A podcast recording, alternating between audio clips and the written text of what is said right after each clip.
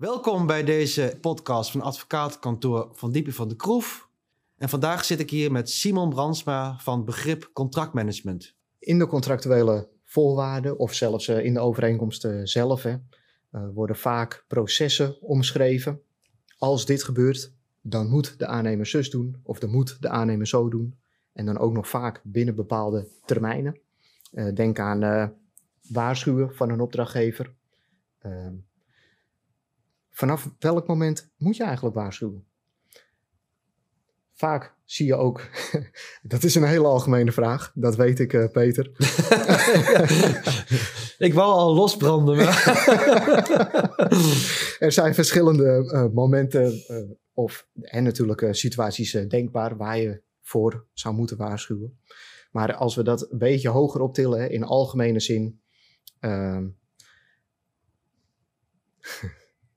waar zou je dan voor kunnen waarschuwen? Hoe, hoe moet je met zo'n regeling omgaan? Ja, ook, ook hier, hè, je hebt natuurlijk verschillende fasen. Hè. Je hebt uh, um, de, de pre-contractuele fase. Hè. We hadden het net over tenders, aanbestedingen. Um, om tot een contract te komen heb je natuurlijk een onderhandelingsfase. Um, uh, en je hebt de uitvoeringsfase. Je hebt in de verschillende sets algemene voorwaarden, zoals je dat noemt. We noemden al de UWVGC, de FIDIC-contracten, dat zijn internationale.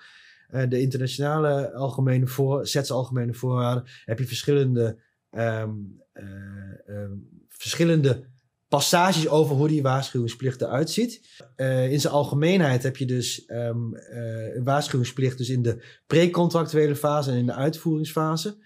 Als je kijkt naar wat de uh, gemene deler daarin is, hè, is waarschuwen is eigenlijk um, een, een, een oproep en een verplichting om te communiceren voor de opdrachtnemer, voor de aannemer. Hè, dus in de uh, precontractuele fase. Dus voordat je tot uitvoering overgaat, is het waarschuwen voor fouten die de opdrachtgever in zijn uitvraag maakt. Hè? Dus als die een bestek neerlegt, hè, hier moet je een aanbieding doen en jij uh, kan als aannemer ontdekt daar fouten in, dan moet je daarvoor waarschuwen. Hè? Want dan uh, moet je aangeven, van, ja, maar daar staat een fout in. En als we in de uitvoering zijn um, uh, en u laat dit op deze manier staan, dan komen daar problemen van en dat gaat u geld kosten. Hè? Dus overtreden van die verplichting Um, ja, dat, dat leidt ertoe uh, dat jij daar, daar ook voor op moet komen. Hè? Dat, je, dat jij daar dan de schuld van krijgt, dat jij die schade moet dragen. Uh, en in de uitvoeringsfase um, is het, um, uh, ziet die waarschuwingsplicht met name op omstandigheden die maken dat, nou, dat het project duurder wordt. Hè? Dat er moet bijbetaald worden voor de opdrachtgever. En dat je dus dat niet achteraf doet.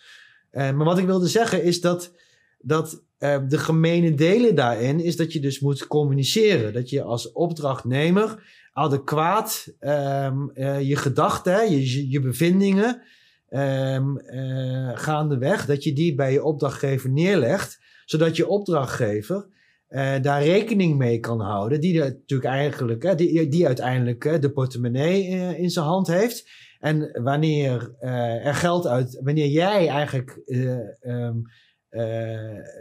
wanneer jij eigenlijk ontdekt um, dat het wel eens zou kunnen zijn dat hij wat meer geld uh, uit zijn portemonnee moet halen, uh, dan moet jij daarover over communiceren met je opdrachtgever, zodat hij zich daar ook een oordeel over kan vormen of die Um, of die daartoe bereid is, of dat hij een goedkopere manier heeft, zodat je, ja, zodat je daar kan over communiceren. En dat is eigenlijk in zijn algemeenheid die waarschuwingsplicht. En, ja, en wanneer moet je waarschuwen? Nou, dat, dat voel je wel aan. Als jij deze uitgangspunten uh, neemt, dan voel je aan dat je gewoon adequaat moet, moet communiceren met je opdrachtgever en dat je daar niet mee moet wachten. Dat is eigenlijk de gedachte achter al die verschillende soorten hm. waarschuwingsplichten. En de ene is natuurlijk wat stringenter dan de ander. Maar door de band genomen kun je, uh, als jij gewoon van, intrinsiek adequaat communiceert met je opdrachtgever, dan kun je er uh, al wel van redelijk van uitgaan dat jij nou, dat je goed bezig bent. En dat je dan, dan is de kans dat jij schadeclaims tegenkrijgt van die opdrachtgever. Of dat je geen recht hebt op, op, op, op die vergoedingen die dat met zich meebrengt. Die is dan al veel kleiner. Waarbij ik natuurlijk niet wil zeggen.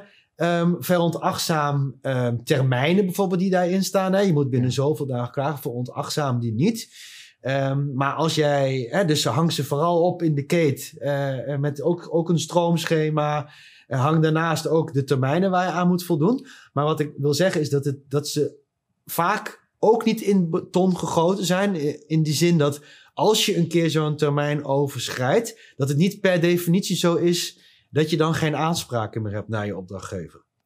Maar Peter, soms uh, lees ik ook hè, in die contracten, dan staat er een heel uh, uh, concreet omschreven proces in.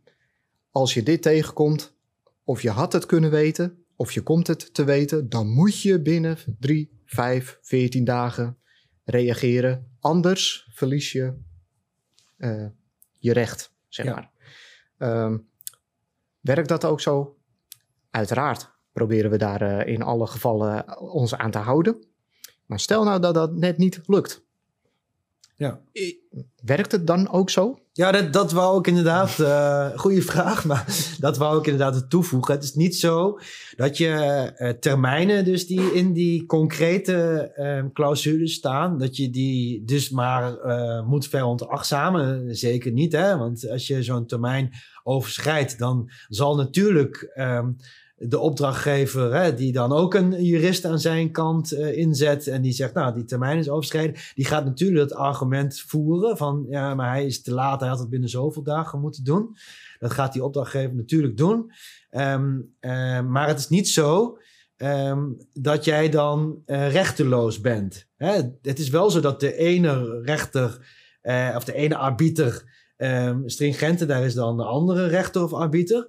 Uh, maar door de band genomen, um, um, denk ik dat je nog steeds, uh, als jij kan laten zien dat jij steeds doorlopend adequaat hebt gereageerd, um, uh, dat je de stelling in kan nemen. Ja, maar ik heb adequaat gereageerd. Ik heb u doorlopend goed geïnformeerd. het is niet redelijk meer. Hè? Daar, daar komt hij weer, hè, die redelijkheid en billijkheid. Um, om um, nu, dan, nu te zeggen, ja, maar het enkele feit dat jij, het zal wel zo zijn, maar het enkele feit dat jij uh, een dag uh, te laat die melding hebt gedaan, uh, maakt dat je geen aanspraken meer hebt. Ik denk dat je ervan uit kan gaan, als jij adequaat hebt geïnformeerd, zoals net gezegd, dat je dan heel goed kan zeggen dat de opdrachtgever um, jou niet meer aan zo'n termijn kan houden. En wat je ook vaak ziet, is um, dat je dat opdrachtgevers uh, bij uh, discussies die je daarvoor hebt gehad in het traject, dat, die, uh, ook, dat jij ook zo'n termijn misschien wel eens een keer hebt overtreden. En dat die ook jou het recht op vergroening heeft toegekend. dan kun je ook tegen de rechter zeggen, nou, dat, nou, dan kun je dat laten zien. En dan kun je daar aan de conclusie verbinden dat die opdrachtgever eigenlijk helemaal niet zo uh, strikt was op die termijn. Dat hij die eigenlijk helemaal niet gehandhaafd heeft. En dat het inderdaad een, een gezocht argument is om nu onder betaling uit te komen. En ja, dat je dus inderdaad weer tot, tot, het, tot de conclusie komt dat jij gewoon je aan je verplichtingen hebt voldaan. Ja, dus samenvattend. Wanneer waarschuwen? Zodra je het gevoel krijgt dat je moet waarschuwen.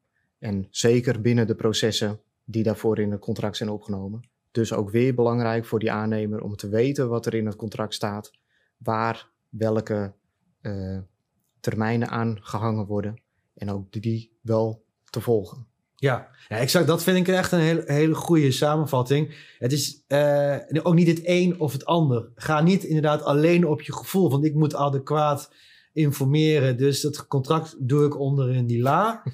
Um, uh, nee, um, um, lees ook zeker het contract. Uh, hou het contract, stop hem vooral niet in je la en, leg hem op je bureau. zodat je ook die termijnen erbij kan, uh, in dit voorbeeld die termijnen erbij kan houden. maar vooral die combinatie is goed. vaar ook gewoon op je gevoel. daarnaast en houd die communicatie met die opdrachtgever op gang. Want dat is uh, vaak uh, de bron uh, van de meeste conflicten, is dat er niet tussen partijen goed wordt gecommuniceerd. Nou, mooi Simon. Ik vond het leuk. Nou, eh, Peter, ik vond het ook eh, hartstikke leuk. Het smaakte eigenlijk wel eh, naar meer. Als er nog vragen zijn naar aanleiding van wat we net besproken hebben, of onderwerpen waarvan jullie zeggen, behandel die in een volgende podcast, dan doen we dat natuurlijk. Ik dank jullie hartelijk voor jullie aandacht en tot de volgende podcast.